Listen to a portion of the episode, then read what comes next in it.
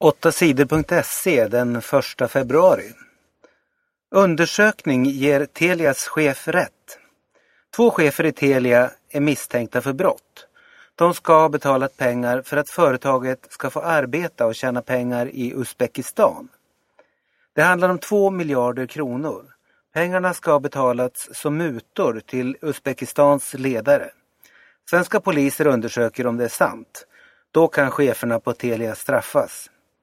Telias chef Lars Nyberg säger att Telia inte har betalat några mutor. För att visa det har Telia gjort en egen undersökning. Advokaten Björn Riese har undersökt vad som hänt. Nu är undersökningen klar. Den visar att det inte finns bevis för att Telia betalat mutor. Men Björn Riese har upptäckt konstiga affärer som Telia gjort i Uzbekistan. Han säger att de kan vara olagliga. Uzbekistan är ett odemokratiskt land. Landets ledare bestämmer allting. De har varit inblandade i affärer med Telia. Nytt bråk om, varg, om jakt på vargar. Idag fredag börjar svenska jägare jaga vargar. Jakten ska hålla på fram till den 17 februari. 17 vargar ska jägarna skjuta. Det är Naturvårdsverket som har bestämt om jakten. Naturvårdsverket säger att det är bra om de svagaste vargarna dödas. Det gör att Sverige får friskare och starkare vargar i framtiden. Men alla gillar inte att Naturvårdsverket tillåter jakt på varg. Flera miljögrupper protesterar. Naturskyddsföreningen, Rovdjursföreningen och Världsnaturfonden, WWF, vill stoppa jakten.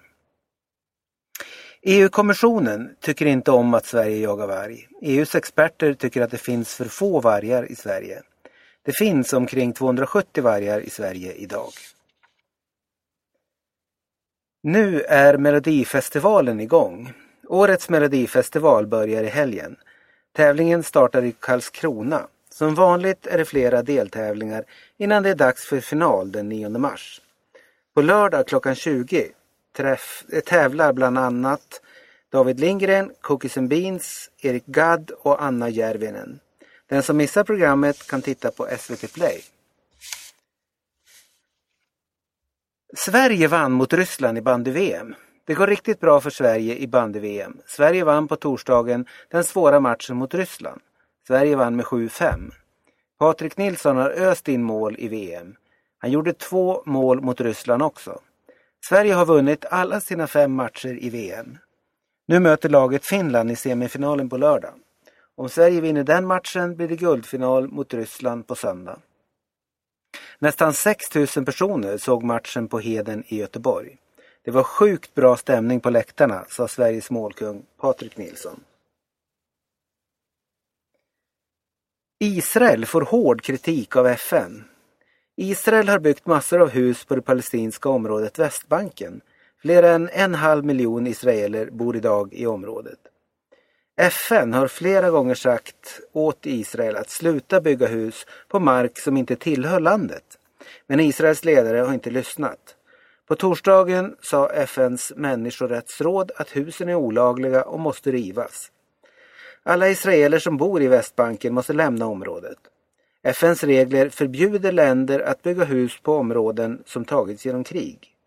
Men ingen tror att Israel ska göra som FN vill. Landets ledare har nyligen sagt att det ska byggas fler hus på Västbanken. Israel tog Västbanken från grannlandet Jordanien efter ett krig år 1967. Minst 25 döda vid explosion i Mexiko. Ett höghus i Mexikos huvudstad exploderade på torsdagskvällen. Flera våningar förstördes av den kraftiga smällen.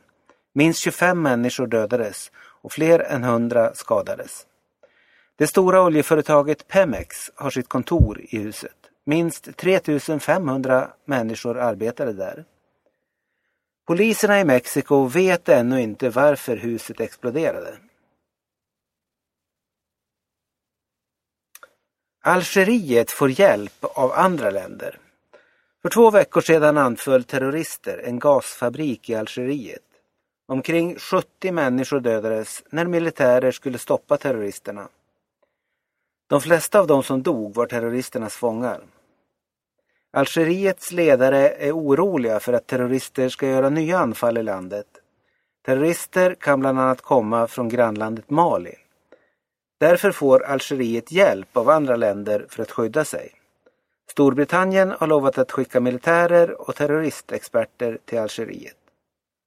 Bland de människor som dödades vid gasfabriken fanns fem norrmän. De jobbade i fabriken som delvis ägdes av norska Statoil.